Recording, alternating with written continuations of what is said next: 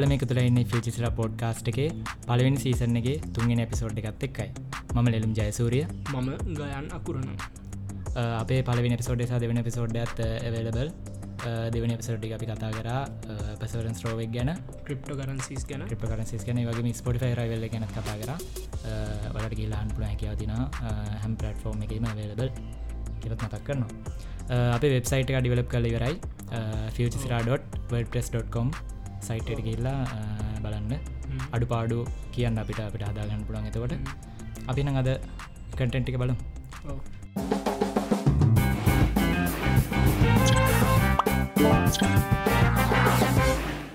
මුලින්ම කතා කරන්න යන්නේ ගොඩක් අය දන්න ඇතුව ඇති මේ චරිත ගැන. බොහෝය දන්න ඇති. ඇඩම් සැවෙත් ගැන තම කතා කරන්න යන්නේ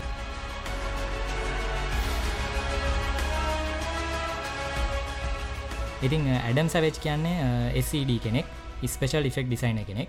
එක කියන්නේ විශේෂ ප්‍රග නිර්මාණකරුවේ ඇමරිකාතාමය ඉන්න. ඉතිං මෙයාගේ කරියක් ගැන කිව්වොත් මෙයා පිරිසැකසුම් කරුවෙකු සහ නිය නාලුවෙකු සහ රූපාණ නිෂ්පාතිකක් විදියට හැමෝම දන්න රූපා නිෂ්පාතික කියපුහම ගොඩක් කරට මූවීස් මෙයාගේ තියෙනවා මං ඉස්රට මතක් කරන්න ස්ටාවෝස් එක සහ මැට්‍රික්ස් රීලෝඩඩ් කියන මූවිස්වල ඩිරෙක්ටෙන් සහ ප්‍රඩියසිං මෙයා කරා. ඒ වගේම ඩිස්කවරි ප්‍රෝග්‍රම් එකගේ සැවේජ් බිල්ස් කියලා ඉතාම ජනප්‍රිය ප්‍රෝග්‍රම් එකක් තියෙනවා. ඉතිං ඒකත් මෙයා තමයි මේක රන් කරේ. සහ තව මූවිස්සලින් ගත්තොත් මෑත කාලි දෙයාපු 2048 කියන මූවිය එක මෙයා රඟපාල තියෙනවා. ඊළඟට මෙයා ගැන කිව්වොත් පොඩිකාලිදං අපි හැමෝම ටොයිසල සෙල්ලංකණ්ඩ ආසයින. ඉතිං මෙයාගේ ආසාව තමයි ටෝයිස් හදන එක මේක දැන් අපි ටෝයි සදනවා කියපුහම දැන් ගොඩක් කලාවට ලෙගෝ තියෙනවන. ඉතින් ලෙගෝවල්ට ගොඩ මේ ආස කරා. ඒක යාගේ ඉස්සරහට යන්ඩ මෙයාගේ දැන් තියෙන ජනප්‍රියත්වය ගණ්ඩත් ඒක මුල පිරුවා. ඉතින් මෙයාට පොඩිකාඩි දං ඕනි වනේ මේ ලෙගෝස් ඩිසයින කෙනෙක් වෙන්න. හැබැයි යට ලෙගෝ ඩිසයින කෙනෙක් නමන්න බැරි වුණා අවසනාවන්ත ලෙස. ඉතිං එයා ගීට පස්සේ මේ පොඩිකාලීට පස්සේ කැරියක වුණේ ස්පේෂල් ෆෙක්ස් පැත්තර ය ගොඩන් නැබරුයි ඉතිමං කලින් කිව්වාගේ මිත් දේවල් සයින්ස් වලින් යට ඔප්පු කරල බලන්ට ගොඩ ලොකු අවශ්‍යතාවයක් තිබ්බ. ඉතිං ඒ හින්දම තමයි ස්පේෂල් ෆෙක්ස් තෝරගත්තේ. ඉතිං මුලිනම් කියනවනං මෙයා එක්ස්පෝසිව් කටෙන් තමයි ගොඩක් කලාට හැද මං කියන්න දැනිසරට මං කියවන සැවජ් බිල්ස් කියලා ඩිස්කවට චන ඩිස්කවට චනගේ ප්‍රෝග්‍රමයක් කර කියලා. ඉතිං ඒක සහ තව ප්‍රෝග්‍රම්ස් කේපයක් කර මේ ඩිස්කවට චනලගේ තව ජනප්‍රියෝණ ප්‍රෝග්‍රමයක් තමයි මිත් බස්ටර්ස්කෙන් ප්‍රෝග්‍රම් එක මේ ප්‍රෝග්‍රම් එකේ දියුණේ අරමං කලින් කිව්වාගේ මිත්‍යා මතික දේවල් විද්‍යානුකූලව ඒවා ඇත්තද බොරුදු කියන එක ඔප්පු කරන්න ලොකු කියන පරීක්ෂණ කරන එක තම මෙයා ලොකු උත්සායක් දැරුවේ. ඉතිං මෙයා මිත්පස්ට ප්‍රෝග්‍රම් එක කියන කතා කරද්දී මෙයාක තනියමන මේ කරේ. මෙත් එක හිටිය ජෙමි හයිනමන් කියන පුද්ගලෙක් මං යගන දැන් කියන්න එය ඇමරිකන් හොස්ට කෙනෙක්. එය තිශ ප්‍රෝග ප්‍රයෝග නිර්මාණකරුවේ ඔයාල දන්න ඇති රොබට් කැමර නිර්මාණකන සමගමතින වේවකැම් කියලා ඒක නිර්මාතෘමයා එක ෆවුන්ඩමයා ඉතිං එයත් එක්ක තමයි මෙයා ඇඩම් සවේජ් මේ මිත් බස්ටර්ස් ප්‍රෝග්‍රම් එක කරේ. ඉතිම එක සෑහට ජනප්‍රිය වුණා. ඊළඟට කතා කරන්න මං මූවිස් ගැන කතා කරනයා ප්‍රඩියස් කරපු. ඉතිං මූවිස් ගැන කතා කරද්දි දැන් ස්ටාවෝස් කියන්නේ ගොඩක් අයට ආගමක් වගේ දෙයන්නේ. ඉතිං ස්ටාවෝස් කියද්දී එකැන දැන් අපි සාමාන්‍යෙන් ඇමරිකාවගේ රටකට ගිහාම ඒ රටේ සමහරුන්ට තමන්ගේ ආගමොකක්ද කියලා හපුවාම ස්ටාවෝස් කියන පිරිසක් ඉන්නවා ඇත්තටම. ඉතිං ගොඩක් අය මේක ඒකන ආගමක් විදිර විශ්වාස කරන හේතුව මේක ආගමක් විදියට සැලකිය හැකි දේවල් තියෙනවා. ඒ කියන්නේ සංස්කෘතියක් තියෙනවා මේක අදාල කොස්ටියම්ස් තියෙනවා. ඉතිං ඒ නිසා මේ මේ මූවිස් නවය ඇතුළත මේ අදාළ ඔක්කොම කම්පලිට්වන්න නිසා මේක ආගමක් විදියට ගන්න පුළුවන්. ඉතිඒකින්ද එක අදහන පිරිසකුත් ඉන්නවා ලෝකේ. ඉතිං මේක එක බැතිමෙත තමයි සැවේජ් ඇඩම් සවේජ් කියන්නේ. ඉතිං ඇඩම් සැවේජ් සෑහන්ඩ ස්ටාවෝස් වලට ආස කෙනෙක් සහ බැතිමතෙක්. ඉතිං ස්ටාවෝසින්ද එයාගේ ජීවිතය තවත් චේන්ජුනා මෙයා විශේෂ ප්‍රෝගලට ගොඩක් නැබරුන් සහ මිත්වලටත් ගොඩ කාස කෙනෙක්. ඉතිං ස්ටාවෝස් එකේදී ගොඩක් වෙලාවට ඔය මිත් සහ සයින්ස් කියන කන්සෙප් එක රන්නන මූවිස් කීපයක්. ඉතිං එහින්දා මේක ගොඩක් එයාගේ හිතර ගැඹුරින් වැදුන මූවිස් ටිකක්. ඉතින් එහින්දා මෙයා ස්ටාවෝස් එක මං කලින් කිව්වාගේ ඇටක් of කෝන්ස් ඒ කියන්නේ ඇපිසෝඩ් දෙවනි එපිසෝඩ් එක 2002 එක ආපු. ඒ කියන්නේ ඒකේ ප්‍රඩියසිසා ඩිරෙක්ටිං කර. ස්ටාවෝස් එක ඉන්ඩස්ටගේ සැහෙන කාලයක් මෙයා හිටිය. ඒ වගේම මතක් කරන්න ඕන නයින්ටිස් වලදී මෙයා රොබට් කෙනෙක් නිෂ්පාදනක දැන් මෙයා ප්‍රයෝග නිර්මාණකරුවෙක්නේ. මෙයා නිර්මාණකර රොබට්ස ගත්තොත් සෙමි ලෙජෙන්ඩි බැට රොබට් කෙනෙක් මෙයා නිර්මාණ කර. එයාගේ නම බ්ලෙන්ඩෝ කියලතම නම තිබ්බේ. ඉතිං ඒ වගේ දේවලුත් නිර්මාණය කර. තව දේවල් තියෙනවා සෑහෙන්ඩ ඉතිං ලොකු කාලය මිත් බස්ටර්ස් කියන ප්‍රෝගෑම් එක තමයි කරේ. සා එක්ස්පරිමෙන්ට් එක කර. ඉතිං මේකෙදි ලොකු බලපෑමක් වුණා යාගේ ජීවිතයට. ඒක අවාසනාවන්ත බලපෑමක්. හේතුව දැම්මයා සයින්ස් මෙමන් කලින් කියවගේ එක්ස්පරෝසිව් දේවල්ලට ගොඩම ආසයි. එකන්නේ යමක් පුපුර වන්ඩ හෝ ඒ වගේ ගොඩක් කාස කෙනෙක්. ඉතිං ඒහින්දා මේ ගොඩක් නොයිස් තැන්වල තමයි මෙයා හිටියේ වැඩ කරලා තියන්න. ඉතිං එයා කරන අත්හද බැලිමුණත් ගොඩක් නොයිසි ඉතිං එහින්දා මෙයාට පස්සේ කාලේ පසු කාලික මේ මෑත කාලෙදි හිරිං ලොස්සීමක් වුණා. ඒකන්නේ සම්පූර්ණය මේ අඩකට වඩා වැඩි ප්‍රමාණයක්. ඒගන්න යම්තාක් දුරට හිරින් ලොස්සීම සිද වුණා ඉතින් ඒ අවාසනාවන්ත දෙයක්. ඉතින් එහින්දා මෙයාගේ ප්‍රෝග්‍රෑම් සුත් මෙයා නතර කරා. එක ගැටලුවන්නෑ දැන් එයාගේම YouTube චැනල්ල එකත් තියෙනවා. දැම් මෙයා ගොඩක් ක්ටව YouTube චැනල් එකේදී. ඉතින් YouTube චැනල ම කියන්න ඇඩම් සැවේජ් ටෙස්ට් කියන YouTube චැනල් එක. ම ඩිස්ක්‍රපෂන එක දාන්න අනිවාරෙන් එක. ඉතිං මේකේ ගොඩක් ක්ටව මෙයා. ගොඩක් වීඩියෝස් දානවා ළඟළඟ වීඩියෝස් දානවා. ඔයාලා තාක්ෂණය ඒවගේම සයන්ස් මේ වගේ අත්හදා බැලින්වලට ආසනං ඉතිං වාට ගැලපෙන චැනල්ල එක ඇඩම් සැවෙට්ස් තමයි ගිල පොඩ බාන්න මේ වලාසරේ. මෑත කාලයේදේ මෙයා 2448 කියන මූවියකේද මෙයා ඇක් කල්ලා තියෙනවා. ඒවගේම දෙදස් දාහතේදී කොමික්කොන් අපි දන්න හැමම කොමික්කොන් ෆෙස්ටිවල් එකේදී මෙයා සූට් එක නිර්මාණ කරලා තියෙනවා. ඒකෙන් තමයි අවසා අන්තිමට මේ ගොඩක් ජනප්‍රිය වුණේ ඉතිං එයාගේ සූට් එක සෑහෙන්ඩ වෙන සමුතු නිර්මාණයක්. ඒ තමයි අඩම් සැවෙච් ඉතින් මේ YouTube චානල එකට ගිහිල බලන්න. මේ අපි ලින්ක්සගේ දෙව ඩිස්ක්‍රපෂන දාලා තියන්න සැහන්ඩ ලොකු අඩක් ගන්න පුළන් වලා මේ වගේ එක්ස්පරිමෙන්ටල්ටගේ ආසන ලෙලුම් මේ වගේම මේ කාලේ ලෝකෙ ගොඩක්ම කට්ටි කතාන් ප්‍රශ්න ඇත්තම ලිතියම්මයන් බැට්‍රි ගැන. ඒ ගැන පොඩ්ඩක් මතක්කරොත් හොඳයි නේද අනිවාරෙන්ම ලිතියම්මයන් කියන්නේ ගොඩක් ඒ කියන දැන් දියුණුවමින් පවතිනව මේ ලෝකේ. ඉතින් ගොඩක් දෙවල් දියුණලා තියෙනවා. ඒවුනාට මේ ඉතාම පරණ කන්සෙප් ඇතම ලිතියමන් බැට්‍රිස් නැත රීචාර්ජවල් බැට්‍රිස් කියන්නේ.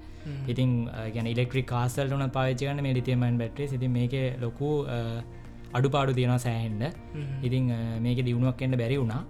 ඉතිං ළඟදී මේක මාතෘකාවක් වුණේ ඇත්තටම මේක විද්‍යාඥයෙන් හොයාගෙන තිබුණා මේ එකන් ලුණු වලින්. ලිතියමයිනට ලුණු පාවිච්චි කරන්න පුළුවන් කියලා. ඉතිං ඒක ඉස්සරහට කියන්නේ මේක තාම මේ අත්හදා බැලිම් සිද්ධ වෙනවා.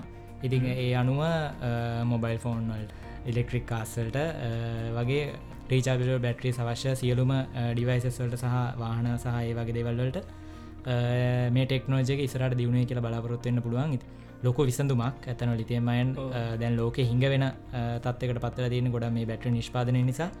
ඉති විශේෂම ඉලෙක්ට්‍රික් කාස් නිෂ්පාදන සඳ සෑන් ලිතියමයන බහලෝ පාවිච්චයනවා ඉතින් ඒ හින්දා මේක සැහන්ඩ ලොකු ප්‍රශ්නයක් කියලා තිබ ඉතින් මංහිතන්නේ සෝල්ට වලින් මේක විසඳුමක් කරගන්න පුළුවන් වේ කියලා හිතනවා.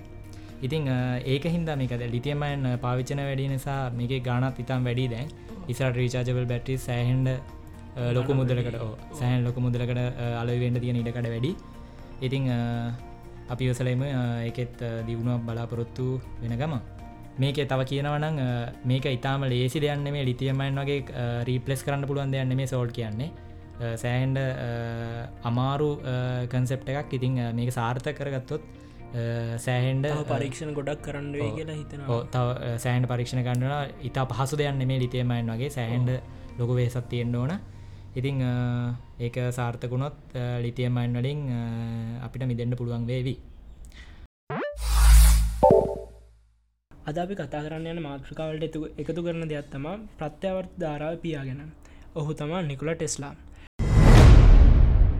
ටෙස්ලා ඉප දෙන්නේ එක්දා සටසී පනස්සේ ජූලි දහවෙනිදා විශේෂම කරුණත් තම එයා ඉපදිච්ච දවසේ රෑ මධ්‍යම රාත්‍රයේ අකුණු ගහල තියෙන දරුණුවටම එතකොට යට පොඩිකාල කියල නමත් තියෙන විදුලින් උපන් දරුවා කියලා.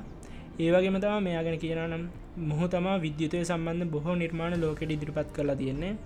ඒවගේ මොහු අනාගි පැල කරලා තියෙන එක්දස් නමසය එකේදී රැහැන් රහිත අන්තර්ජාල ක්‍රමයක් ගැන. හැබැයි ඇත්ත කතා ගෙන නම් අපිටත් ඒක හම්බෙලා දැනට අවුරුත් තිහක් ඉදරලා තියෙන්නේ. මිනිස්සු මෙයාට කියල දෙන පිස්සු විද්‍යාඥා කියලා.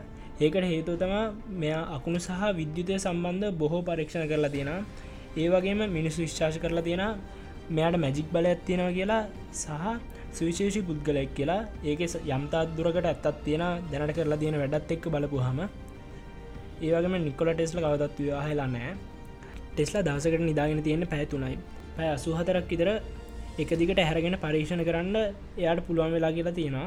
ඒ වගේම තම එයාට අසාමාන්‍ය මතක ශක්තිය තිබිල තියෙනවා. තව එයා පිරිසිදුකම ගැන හොදරම හිතල තියෙන උදාහරණයක් ඉදිර ගත්තොත් ඔහු කෑමසේ තියෙන ආහාර බඳුන් නැප්කින් දහටකින් වෙන වෙනම් බිහිදාලා තියෙනවා කියලා කියනවා. ටෙස්ලා කියන නව නිපැනුම්කරුවෙක් යාන්ත්‍රික ඉන්ජිනේරුවෙක් සහ අනාගත වීදයෙක් ඔහු කාලේ හරා ගමන් කරලා තියෙනත් කියලා ගොඩක් කට්ටේ කෙනවා ඒත් පිළිගන්න බෑමොකද ඔප්පු වෙලා නෑ කිසිම දෙයක් අපිට. ඒ වගේම අපි කතාගරොත් ටෙස්ලා හදපු නිර්මාණ ගැන දුරස්ත පාලක සරලම ගයොත් ඔයා පුට අඩිලා ටීව එක පාලනය කරන රිමෝට් එක. මේක හොයාගත්තේ ටෙස්ලා. ඒ වගේම තමා රැහන් රහිත සංනිවේදනය ටර්බයින එක්ස් කිරන නියෝන්ලයි් ටියබ් ලයි් අපි ගෙදර පාච්චි කරන බ්ලෙන්ඩර ඉදම් කර්මාන්ත ශාලාවල පාච්චි කරන දැවන්ත යන්ත්‍ර දක්වා පාවිච්චි කරන්නේ මේ ටෙස්ල හොයාගත්ත ඒසි මෝන්ට්‍ර ඒවගේම ටෙස්ලා තමයි පලනි පුද්ගලයා අභ්‍යාකාශයෙන් ගෙන ගුවන් ඉදිලි තරංග රෙකෝඩ් කරපු. ඒ වගේම තම ටෙස්ලා ගැන කියනවනම් කාලුගනේ පාලනය කරන්න පුළන් උපකරනත් උපකරණයකුත් ටෙස්ලා හදල තියෙනවා. ඒ ගැන කියනවනම් භූකම්පන යන්ත්‍රය නිර්මාතෘ කෙරතම ටෙස්ලා හඳුන්වන්නේ ඒවිතරක්ම භූකම්පන් නිපදන්න යන්ත්‍රකුත් ටෙස්ලා නිපදොලා තියෙනවා. ඒක පරීක්ෂණ කරද්දී ඒ කම්පනය මුළු නිවයෝක් නගරයටම දැනුන කියල තම වාර්තාවල දැක්වෙන්නේ. ඒක හින්දා ඒක තමා ලෝක භයානකම ආයුධ විදිර සැලකෙන්නේ. කාලගුණේ පාලනය කරනවා කියන්නේ ඒක භයානක ආයුධයක් වෙන්න ඕනේ කොහොම ඒගම ටෙස්ලා පෘතිය අන්නාද සංඛ්‍යාව හොයාගත්තා වැදගත්ම කරුණ තම ටෙස්ලා හොයාගත්ත මේ අන්නාද සංඛ්‍යාව ඇත්ත කියල හොයාගන්න විද්‍යාඥන්ට තවත් අවුරුදු පණහක් විතර ගත වුණා. ටෙස්ල කරපු සමහර සොයාගැනීමලට පේටන් බලපත්‍රය නිකුත් නොකර ඉඳල තියෙනවා. ඒකට හේතුව තමා ඒ වගේ භයානකම සහ ඒව වෙන පුද්ගල වැරදි පුද්ගලයන් අතර ගියොත් ඒවගේ වෙන්න පුලන් සමාජයට වෙන පුළන් බලපෑම් ගැන හිතල තියෙනවා. මට හිතන් කියන්න පුළන් දෙයක්ත්තම ලෝකයට මෙච්චර මෙහයක් කරපු විද්‍යාඥත් තාමත් බිහිලා නෑ කියලා කියන්න පුළන් මොකද ටෙස්ලා විශ්ෂයෙන් ලැබෙන අසීමිත ශක්තිය නියම ඉදිර පාච්චි කරන ක්‍රමය හවාගත්තා ඒවගේම තමා අවාසනාවන්ත ලෙස එක්දස් නමසි හතුලිස්තුනේදී නිවියෝක්කල හොටෙල් හෝටල් කාමරය තුළද මේ යනවා. එතකොට ඇමරිකාන් රජය ගත්ත තීරණය ඇත්තම එයාගේ කාමර තිබ්බ සියලුම උපකරන ඒවගේ පර්ේෂණ කෘති නිපන්දන ඒ ඔක්කොම ආණ්ඩු භාරයට ගත්තා. ඒකට හේතුව තම දෙවන යුද් ඒ කාල වෙද්දි දෙවන ලෝක යුද්ධ දරුණටම පැති කාලයක්. කුමන ක්‍රමයකින් හෝ මේ දැනුම සතුරාතර ගියොත් ඒකෙන් වෙන්න පුළුවන් ඉරණම ගැන ඇමරිකානු රජ තේරුම් ගත්තා. ඒවගේම ගයන් මතක්කන්න ඕන ප්‍රිසේට් ෆිල්ම්ක් ගැන. දෙදා සහයාපු ෆිල්ම් එකක්. මේක ඩිරෙට් කරේ ක්‍රිස්ටෝප නෝලන් ඉතාමත් හොඳම ඇක්ටර්ස් ඇක්ටස්ටා හිට ෆිල්ම්යක් ඉතින් මේකෙදී තියෙන විශේෂත්ත තමයි මේකේ නිකල ටෙස්ලගේ චරිතය තිබ්බා. ඉතිං මේ ෆිල්ම් එක සෑහන්ඩ කියන වැදගත්. ඒ කියන්නේ නිකල ටෙස්ලගේ ජීවිතෙන් යම් කාලික සිදුන සිදුවීමක් මූඩික් කරගෙන මෙයාගේ චරිත එතන පණ ගැන්වෙනවා. ඉතිං ඒකත් බලන්න කියල මතක් කරනවා. ඔවුලෙලුම්. ඒ වගේම කියන්න ඕනම් දෙයක්ත්තම ටෙස්ලගේ තුනහනම ක්‍රමේ නැතහොල් 369 මෙතඩ්ඩෙක් ගැන. මේක තමා ටෙස්ලා ගොඩක් දේවලට යොදාගෙන තියෙන ක්‍රමයක්. මේ ගැන කියනම් අපිට ඕනම දෙයක් ආකර්ශණය කරගන්න කොහොමද කියලා මේ ක්‍රමේද කියල දෙනවා. ටෙස්ලා එක වෙලාගෙද කියලා තියෙන තුනහනම යන අංකවල විශාල වැදත්කම ඔබ දැන සිටිය නම් මුළු විශ්වයම ඇතුර ඔබාතය කියලා. ටෙස්ලගේ ජීවිතය බොහෝ දේවලට ඔහු තුන හය නමය කියන ඉලක්කම් තුන සම්බන්ධ කරගත්තා. උදාහරණයක් ඉදිරගත්තොත් ගොඩ්නැගිල්ලකට ඇතුල්ලෙන්ට පෙර පවා ගොඩනැගිල්ල වට ඔහු වට තුනක් ගමන් කරලා තියෙනවා. ඒවගේම ඔහු තුවා දහටකින් පිඟම් පිසිතු කරලා තියෙනවා. හෝටල් කාමරවලදී ජීවත්තෙදදි පවා ඔහු ජීවත්තලා තියෙන්නේ තුනෙන් බෙහි බෙදිය හැකි හෝටල් කාමරවල ඉතරයි උදාහරණයක් ඉදිට අප ජීවිතය තියෙන දේවල් ගත්තොත් එහෙම විනාඩියට තප්පර හැටයි හරද? ඒක එකතුව බැලුවොත් එහෙම මම කියන්න එකතුව කියන්න හයයි හය දන්න බින්දුව ගත්තොත් සමානයි හයයි.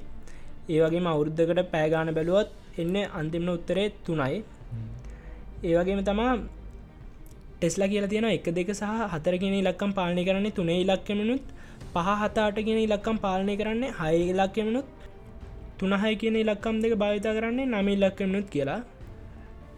මම දැන් කියන්නන්නේ තුනහයි නමේ නීතිය අපේ ජීවිතයට ඒවගේ ආකර්ශ නීතියති භාවිතා කරන්න කොහොමද කියලා මුලින්ම වාල තෝරගන්න ඕනේ පැහැදිලි ඉලක්කයක්. ඒවගේම ඒක දැනටමත් උනා කියලා හිතාගෙන ප්‍රබල වාක්‍යයක් ලියන්න ඕනේ. ඒක හැබැයි ධනාත්මගෙන්න්නත් ඕනේ. ඔයාලා හදාගත්තේ වාක්‍ය අවම තප්පර දහටක්වත් දිග තියෙන්න දික්වෙන්න ඕනේ. ඒදේ දැනටම වෙලා තියෙනවා කියලා වාලා හිතාගන්න ඕනේ. ඒකින් ඒක උනාට පස්ස වාලට දැනන සතුට වාල පොඩ්ඩම් මෙනෙහි කරන්න ඒවගේම තමා වාලේ ලියාගත්ත වාක්‍ය උදේ අවිදිච්චගාම වාක්‍ය තුම්පාරක් ලියන්න. ඒවගේම ඒක මුණට පස්සේ වාල ස්තුති කරන විදියට ඒවෙලා ස්තුති කරන්න ඕනේ.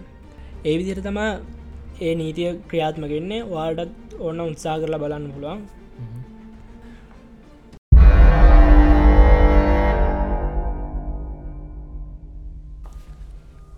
ඒවගේම කියන්න ඕනි ගයන්න ඊලංකන් අපි කටට විදිරගෙනාවේ ආඩිවිෂන් ඉන්ටර්ජන් ඒයි ඉතිං මැසින්ඩනි මේ ඔක්කොටම අදාළ මාතෘකාවක්. මොඩේ ලැබෙන විද්‍යසඥාවලින් පුද්ගලයකගේ මනස කීවේ හැකිද? ඉතිං මේක ගොඩක් කලාවට ගා නිසාට විස්තර කරයි මේක ගොඩක් කලාවට පරීක්ෂණ කරන්නේ මිනිස්සුන්ගෙන්න්න මේ සත්තුන්ගෙන් ඉතිං මේක මිනිස්සුන්ගෙන් කරපු පිරිසක් ඉන්නවා පර්ඩිය කැම්පස් එකේ. ආටිෆිශල් ඉන්ටර්ජන් නැතං ස්නායු විද්‍යාව නිවරසයින්ස් මේ පිළිබඳව විශ්ලේෂණය කරන ටීමයක් ඉන්නවා. මේකොට අත්හද බල්ල තියෙන පුද්ගලයක මොලේ ක්‍රියාකාරිතය පිළිබඳව සොයා බල්ලා. ඒකෙන් ලැබෙන දත්තවලින් ඒ අයක දියුණු කරන්න. ඉතිං මේකෙදි තියෙන වාසිය තමයි මේකට ගොඩක් දත්ත අවශ්‍යයි. දත්ත නැතිදන ආටිෆිශල් ඉන්ටඩිජන් දියුණුවක් නෑ ඉතිං ඒ නිසා මේකට සෑහට දත්ත අවශ්‍යයි. ඉතිං දිකට මේගොල්ල මේ සම්බන්ධ පරීක්ෂණ කරනවා. ඉතිං මෙහි පලදිනා තොප්පියක්. මේකේ ඉඩෙක්ටරෝඩ ලොකු ප්‍රමාණයක් සම්බන්ධලා තියෙන වයස් සම්බන්ධලා තියෙන තොප්පියක් මේක. ඉතිං මේකෙන් ඒ අදාළ පුද්ගලයා හිතන ආකාරය එයාගේ හිතේ මැවෙන දේවල් විද්‍යුත් සංඥාවට බවට හරවගෙන ඒ සම්බන්ධයෙන් දත්ත ලබා ගැනීම මේගුට සිද්ධ කරනවා. ඉතිං මේකේ සාර්ථකත්වය බලාගණ්ඩ එක පාර බෑ ඒක නිකා ඉතාම ෂණිකව බෑ. සෑන්ඩ අවුරුදු ගානක් මේකට ගත වෙනවා.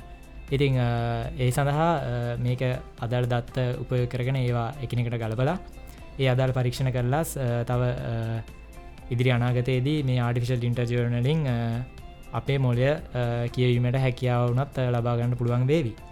ඉතිං මේ යන්ත්‍ර බුද්ධිය නැත්තම් මේ මැසින් ලනින් කියන එකත් මේකට අදාලයි ගොඩක් කලාවට දැන් අපි තාක්ෂණ ලෝකෙත්ත කිසරට අද්දී මේ ආඩිශල් ඉන්ටර්ජන් පාවිච්චි කරන ගොඩක් රොබර්ට්ස් රට.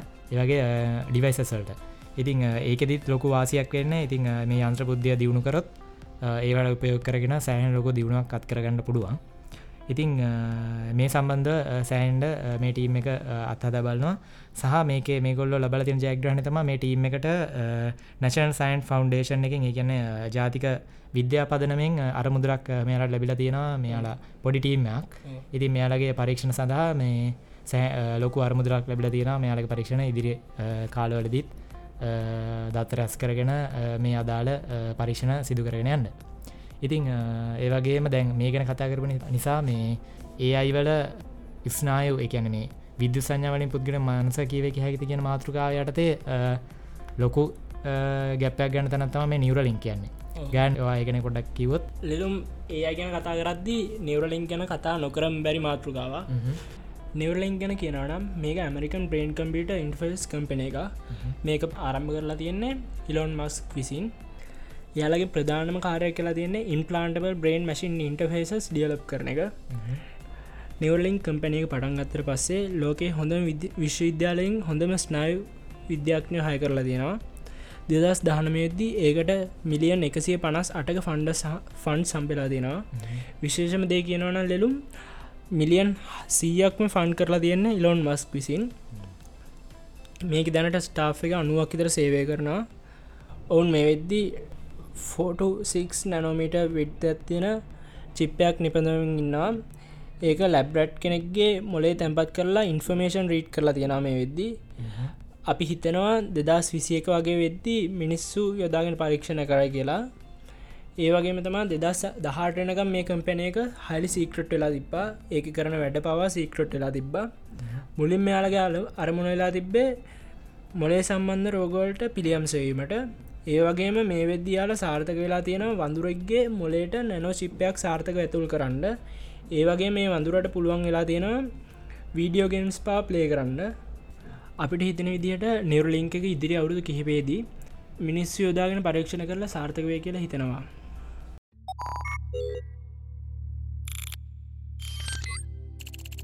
රයි් ඉති ඊළඟට අපි කතා කරන්නේ 5G ගැන.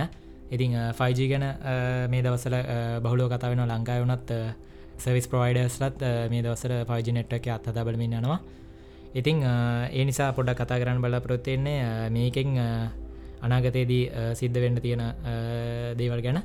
ඉතිං ද ෆෝජිනට්ගෙන ෆයිජිනට්කට මේ අවුරුදුකි පැතුරද අපි චේන්ජුනානේ ඉතිං 5G කියන්නේ සොෆ්ටයා ඩිෆන්ඩ නෙට්වකයක් ඉතිං ඒ හින්දා මේක ස්පීඩ් එක ෆෝජිකට වඩා සිය ගුණයකින් වැඩි ඉතිං එක්සාම්පල කෙදරගත්තොත් දැන් මම්මුලින කියන්න 3G නෙට්ව එකෙද අපිට සාමාන්‍යෙන් පැයි දෙක් මූියක ඩවුනොට්ෙන්ඩ කාලෙ ගතවෙනවා පැයි විසි හැක් විතර ගතවෙනවා 3G නෙට්ව මේ ෆිල්ම ඩවුනුට් කරනවන ෆෝජි නෙට්ව එකේදි ගතවෙන්නේ මිනිත්තු හැක් වගේ ඉතාම් පොඩි කාලයක් ඉතිං 5G නෙට්ව එකේදී 3.5 සකන්ස් කියලතම කියන්නේ. ඉතින් ඒ කියන්නේ ආසන් වශයෙන් තප්පර තුනක වගේ කාලයකෙද අපිට පැය දෙක් මූියක ඩවුන්් කළ වරගන්න පුළුවන්. ඉතින් ඒක ෆෝජිත් ෆෝජිසා ෆයිජියල කම්පැරිසනයක් විදිරගත්තොත් මේකේ ලොකු වෙනසත් තියෙන්නේ මේක තියෙන රෙස්පොන්ස් ටයිම් එක ගැන.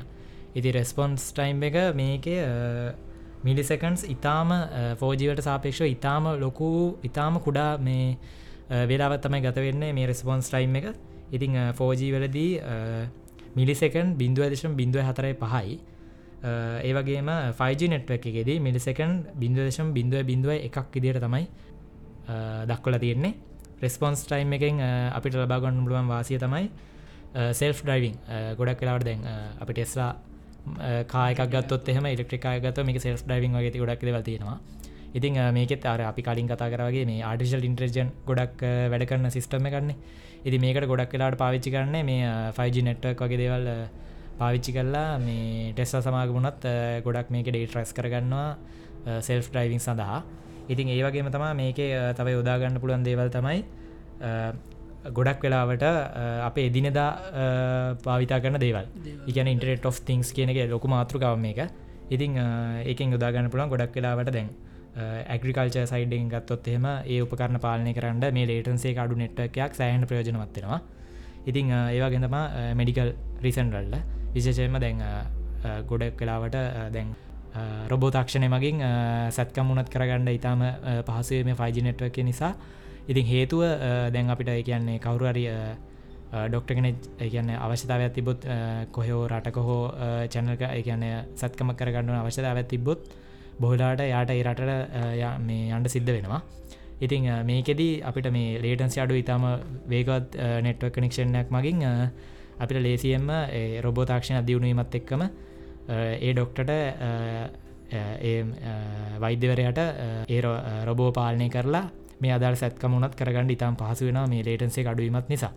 ඉතිං විශේෂම මේ රොබෝ සහ මේ මෙඩිකල් සහ ඇග්‍රිකල්ච කියන වලට ගොඩක් භාවිතා කරම මේක සෑහන්ට ප්‍රයෝජනමත්වෙනවා මේ 5G නෙට්ව එක. ඉතිං ඉදිරි අවුරුදුකී පැතුරත සෑහන්ට දියුණුවත්තිය මේ 5G නෙට්වක් එකගේ ඊළඟට තව මතක් කිරීමක් කරන්න දෙ ෆයිජි නෙට්ව එක ආපු ගමන් ඒ වුනාට චීනයේ සමාගමක් නිෂ්පාදන කල දින 6G නෙට්වක් එක. එකත් පොඩ මතක් කන්නට මේ දවසල ඒකත් ලොක මාතෘකාවක් වුණ ට්‍රෙන්ඩින් ටොපික්යක් වුණා. ඉතිං 6G නෙට්ව එක ගොල්ලෝ ලොකු දෙයක් මේක එලි දක්වල නෑ. ඒ වනාට මේ ෆයිජි නෙට්ට එකටත් වඩා ලොකු වෙනසක් නෑ. නමුත් ෆයිජි නෙට්කට ගොඩක් කිසරෙන් තියෙනවා. නමුත් ෆෝජ එකත් ෆයිජ එකත් එක කම්පය කරදදි ලොක වෙනසක් නැතිවුණත් 6G නෙට්ව එකත් ඔන්න රෙඩි එකන අත්හදා බලමින් යනවා. ෆයිජි නෙට්ටකෙන් පස්සේ ඉස්රහට පැමිණෙන්න්න නියමතයි. රයිට් ඉතිං 5G නෙට්ටක් ඇත් ගැනත් ඔයිටික තමයි කතා කරන්න තියෙන්නේ.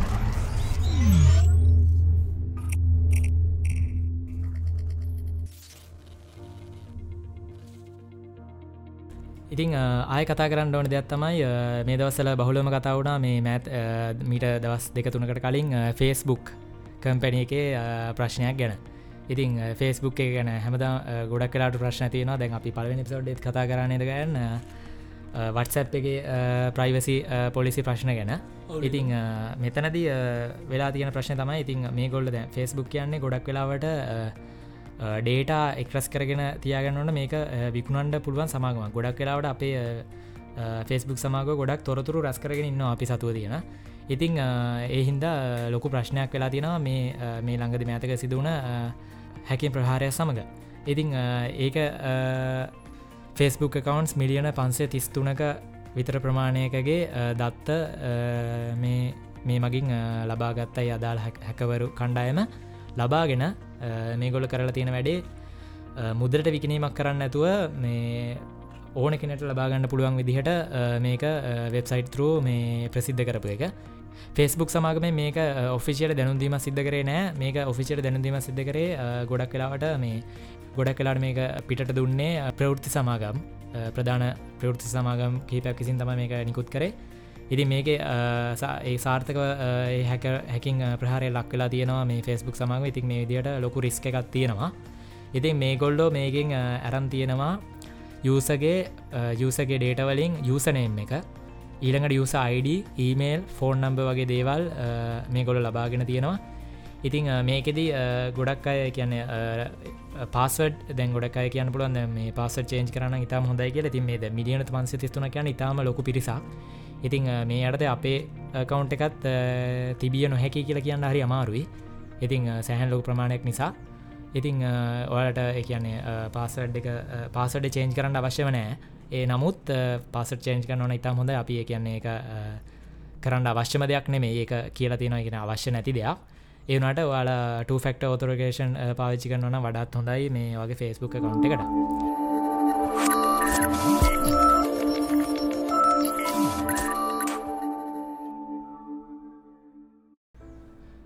ඊළඟට කතා කරන්න ඕනේ හවාවීලා ගැන. හවාවීලට ලොකු ප්‍රශ්න ඇති වුණ ඇමරිකාවේ සම්බාධක නීති පනත යටතේ ලොකු ප්‍රශ්නයක් ඇති වුණා. යාලගේ ඇන්ඩරෝයිඩ් ලයිසන් කැන්සල් වුණා. ඉතිං එයාලගේ දැන් ඩිවලපමීම් පවතින ඕස එක තම හාමනි ඔස් එක. ඒක 2.0 කියන වර්ෂන් එක දැන් ඊළඟට මේ අප්‍රේල් අන්තිම එකන්නේ දැන් ඩිවලපස්ටාට ටෙස්ටිං යන්නේ. ඒක ඊට පසුව මේ යුසට පාවිච්චි කරන්න පුළුවන් ඉදිට ලබා දෙන්න තීරණය කරලා තියෙනවා. ඉතිං ඊළඟට ඒකත් එක්කම දැන් මේ මෑතකද මීට දවස්තුන හතරකට කලින් එකැන මේ අප්‍රේල් මුල ආවා 3.0 බේට වර්ෂන් එක. ඒක කලෝස් ඩිවලපස්ටට විතරයි දැන්ට රිඩෙස්සලා තියෙන්නේ. ඒක කොහොමට යතත් 2.0 එකත් එක් ආවට පස්සේ ඉතා ඉක්මනින් ලබෙන අප්ඩේට් එකන්නෙමයි ඉ 2.0 අප්ඩේට් එක තමයි ඇවල්බල් වෙන්නේ. ඉතිං අරක 3.0 අප්ඩේට් එක තාම ඩිවලපස්ට අත්හදා බලන්න තාම මූලික මට මෙති නොවස එක සෑන් ෆීචස් වගේ දේවල් එතන ලබාගෙන තියෙනවා.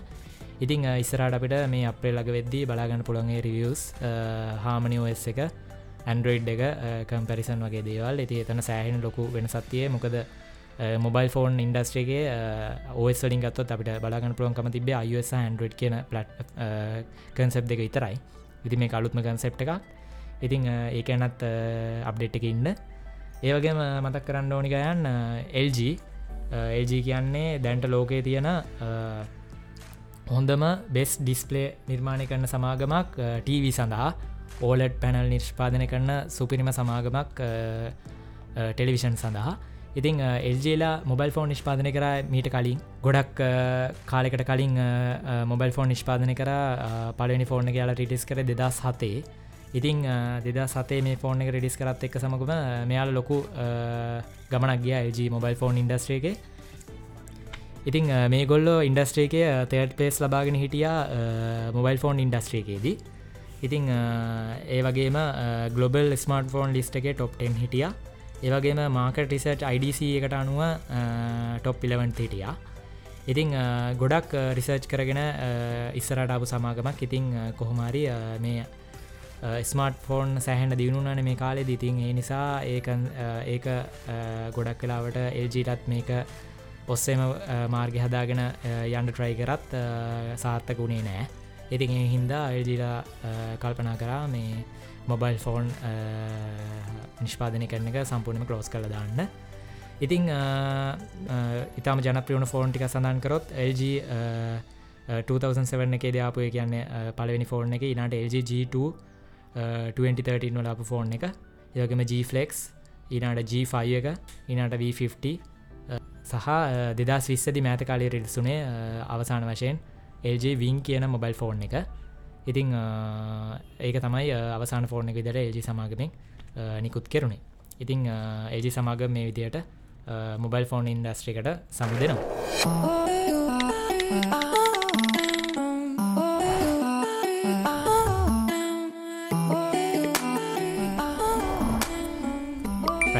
ඊලාට කතා කරන්න ඕන මාර්තු මාසය අග ඇපල්ලා ඇනවස් කල්ලා තිබ්බා WWDC වෙන්ට එක වර්ඩ වයි ඩිවලප කවන්සිල් 2021 ඉතිං ඒක ජූනි මාසයේ හතේ සිට ජූනි මාසේ එකොළ හදක්වා යනවා. ඉති මේකත් බර්චුවල් ඉවෙන්ටක් විදිර තමයි තියෙන්නේ.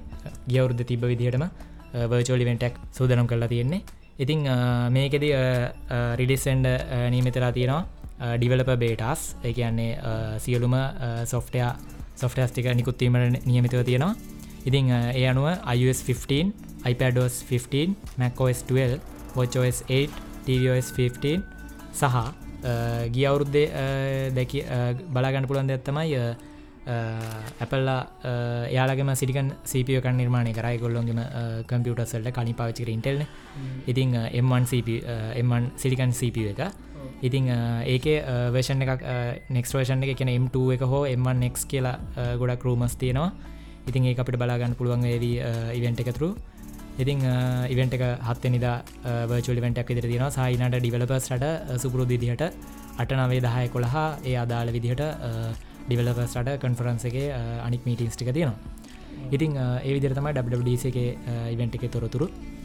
මැක්‍රෝමසකටියොත් වාට වැඩිතුර තොරතුර බලාගන්පුල හැකිව තියෙනවා. ලිංක්ස් ඩිස්ක්‍රපෂන් එක මං ඉන්කුට් කරන්න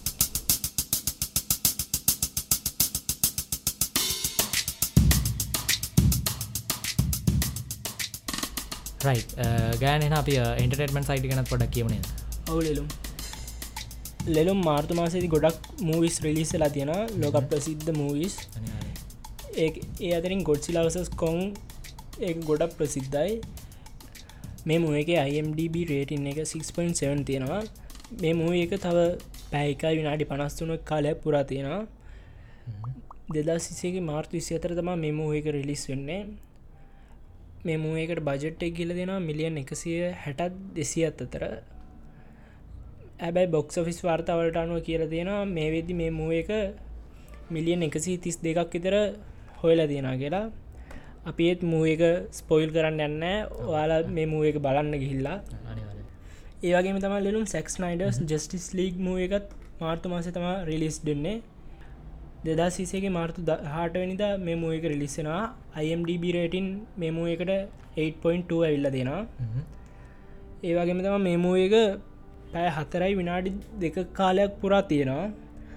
මංහිතනගැන් මේ එක තම මහිතන මේ ළඟක දයාපු කියන මෑත කාලදාපු මේ දීර්ගතම් ෆිල්ම් එක මහිතනනය ඔවුලිලුම් ඒවගේම තම ලෙලුම්. මේ ෆිල්ම් එක ගැන කියනම් මේක ඩිරෙක්ට දිය ඉඳල තියෙන සැක්ස් නයිඩ මේ ෆිල්ම් එක කරන්ඩ කිසි මුදලක් අය කරල නෑ ඒකට හේතු තමා එයාගේ දුව සුයිසයිඩ්ඩකින් මැරලා තියෙනවා. ඒකට ට්‍රිබියුට්ටක් විතරතම මේ මුව එක හදල තියෙනවා ලෙලුම් ඕගෑන් ඊළඟට කියන්න ඕන Appleට පස් කියන්නේ ස්ත්‍රීමින් සවිසයක් නෙට්ෆලික්ස් වගේම.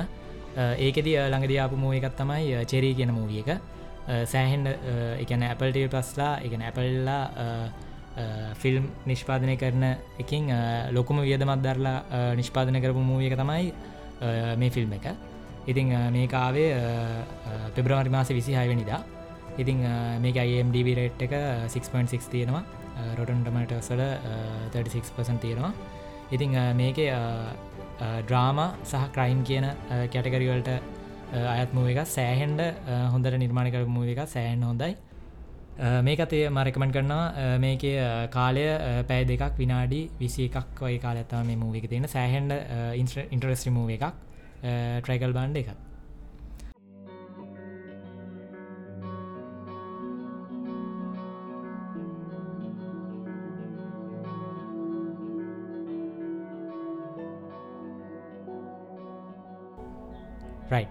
පලනි සීසන්නගේ තුන්ගෙන එපිසෝඩ්ඩ මේ විදිර අපි අවසන් කාණ්ඩයි හදන්නේ.